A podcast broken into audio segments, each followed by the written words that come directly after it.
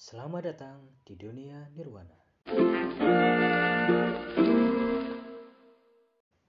Halo, saya Haris. Salam kenal. Di podcast pertama ini saya akan membicarakan tentang seseorang, seorang tokoh yang cukup mempengaruhi hidup saya. Dia adalah seorang penyair, seorang penulis. Dia adalah seorang yang membuat saya jatuh cinta dalam dunia sastra, dunia penyair, dunia puisi. Dia adalah Hairal Anwar. Jadi kita flashback dulu ya. Pertama kali saya mengetahui nama Hairal Anwar. Saat itu saya masih kelas 6 SD. Dan memang waktu kelas 6 SD dan sebelum-sebelumnya kita memang sudah mempelajari sedikit tentang sastra Indonesia gitu kan.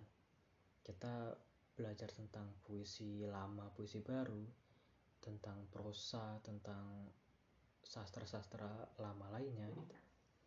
Dan akhirnya saya melihat sebuah puisi yang bertuliskan karya Hairil Anwar. Kalau tidak salah ingat, saat itu memang puisi aku atau rumahku ya saya lupa dan sebelum UN itu kita try out kan situ ada detik-detik itu banyak banget bukunya yang bahasa Indonesia itu banyak puisi-puisi yang bertuliskan karya Hairil Anwar gitu jadi memang saya pertama kali mengetahui Hairil Anwar saat itu saat beranjak UN. Lalu di SMP saya bertemu dengan seorang guru. Beliau bernama Bu Rini. Dia mengajar bahasa Indonesia dan mengajar saya. Uh, beliau menjadi orang kedua yang membuat saya menjadi begitu cinta terhadap bahasa Indonesia. Ya itulah, beliau bukan cuma hanya mengajarkan ilmu-ilmu tentang bahasa Indonesia tapi membuat murid-muridnya menjadi cinta sekali dengan bahasa Indonesia dan terjerumus ke dalamnya seperti saya gitu. Bu inilah yang pertama kali membuat saya memutuskan untuk menulis puisi. Saat itu saya menulis puisi, saya lupa judulnya apa, tapi yang saya ingat Puisi itu bertemakan tentang kepasrahan diri terhadap Tuhan. Jadi saat itu saya memberikan selembar kertas puisi kepada Bu Rini dan meminta penilaian dari beliau begitu. Justru beliau malah bilang seperti ini. Riz, kenapa puisinya seperti ini? Kenapa puisi kamu merujuk kepada kematian? Harusnya kan puisi-puisi seumuran kamu yang harusnya ceria tentang cinta-cinta seperti itu. Ya, begitulah. Mungkin saya mendapat imajinasi-imajinasi liar dan diksi-diksi yang aneh begitu. Yang yang gila itu dari Hairil sebenarnya. Mungkin kalau saya pertama kali membaca puisi karya Boy Chandra atau hmm, Fiersa mungkin mungkin saya tidak akan menulis puisi seperti itu ya Bu jadi saya berkewajiban untuk berterima kasih kepada Bu Rini karena beliaulah salah satu orang yang membantu saya seperti ini sampai saat ini kemudian saya beranjak di bangku SMA dan lagi-lagi saya dipertemukan dengan guru bahasa Indonesia. Dia adalah Bu Firna. Dan saat itu saya sadar bahwa guru favorit saya adalah guru bahasa Indonesia. Karena dari mm, SMP, SMA, ya guru bahasa Indonesia yang paling saya sukai.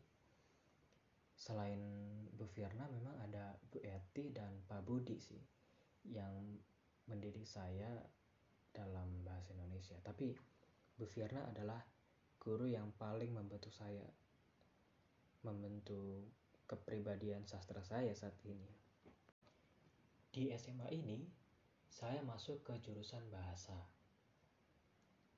Jadi, memang saya semenjak lulus dari SMP, keinginan saya ya ingin masuk kelas bahasa.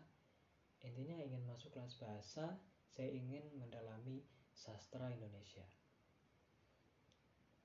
Di kelas bahasa itu saya tidak mempelajari tentang tidak hanya mempelajari tentang bahasa Indonesia saja, tapi mempelajari tentang sastra Indonesia-nya. Dan selain itu ya ada sastra Inggris dan sastra Jepang sebenarnya.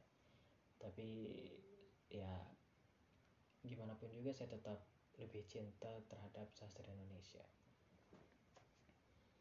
Di situlah akhirnya saya terjun jauh lebih dalam mempelajari dan mengenal karya-karya dari para penyair dan sastrawan Indonesia yang sangat luar biasa.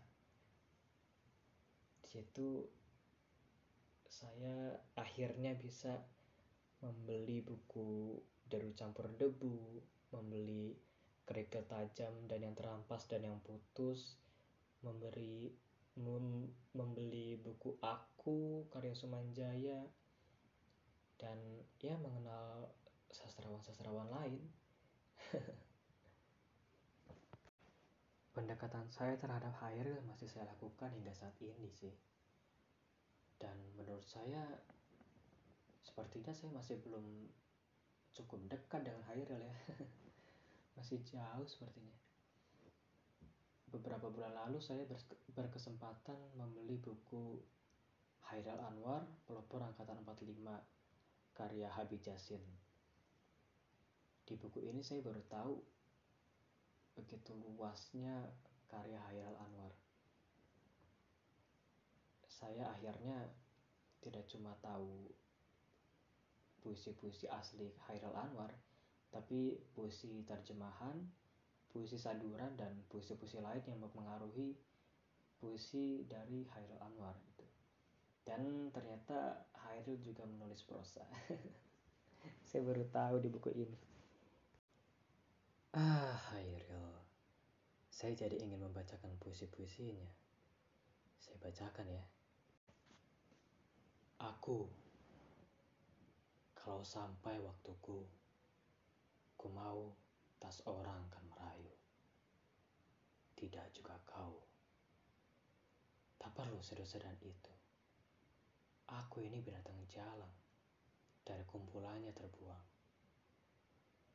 Biar peluru menembus kulitku, aku tetap meradang menerjang.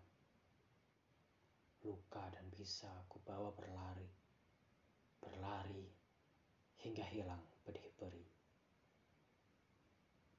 Dan aku akan lebih tidak peduli. Aku mau hidup seribu tahun lagi. Doa kepada pemeluk teguh. Tuhanku, dalam termangu, aku masih menyebut namamu. Biar susah sungguh, mengingat kau penuh seluruh cahayamu Bapa Suci, tinggal kerdip lilin di kelam sunyi. Tuhanku, aku hilang bentuk, remuk. Tuhanku, aku mengembara di negeri asing. Tuhanku, di pintumu aku mengetuk Aku tidak bisa berpaling. Senja di pelabuhan kecil. Buat Sri Ayati. Ini kali tidak ada yang mencari cinta. Di antara gudang, rumah tua, pada cerita tiang serta temali. Kapal Perahu tiada berlaut menghembus diri dalam mempercaya mau berpaut. Gerimis mempercepat kelam. Ada juga kelepak elang menyinggung muram. Desir hari lari berenang, menemu bujuk pangkal akanan, tidak bergerak. Dan kini, tanah dan air tidur hilang ombak. Tiada lagi, aku sendiri. Berjalan menyisir semenanjung, masih pengap harap sekali tiba di ujung dan sekalian selamat jalan. Dari pantai keempat, seduh penghabisan bisa terdekat. Sia-sia. Penghabisan kali itu kau datang, membawa kembang berkarang, mawar merah dan melati putih, darah dan suci kau tebarkan depanku, serta pandang yang memastikan untukmu. Lalu kita sama termanggu, saling bertanya, apakah ini cinta? Kita berdua tak mengerti. Sehari kita bersama, tak hampir menghampiri. Ah, Hatiku yang tak mau memberi. Mampus kau deh koyak-koyak sepi. Ya itulah puisi-puisi dari Hairul Anwar yang paling saya sukai. Ya mohon maaf, saya memang bukan pembaca puisi. saya memang tidak bisa membaca puisi sejak dulu. Tidak bisa seperti Rendra yang wah sangat luar biasa. Baiklah, selanjutnya di episode selanjutnya saya akan membicarakan tentang tokoh sastra yang lain ya. Jadi nantikan episode selanjutnya. Terima kasih. Sampai jumpa lagi.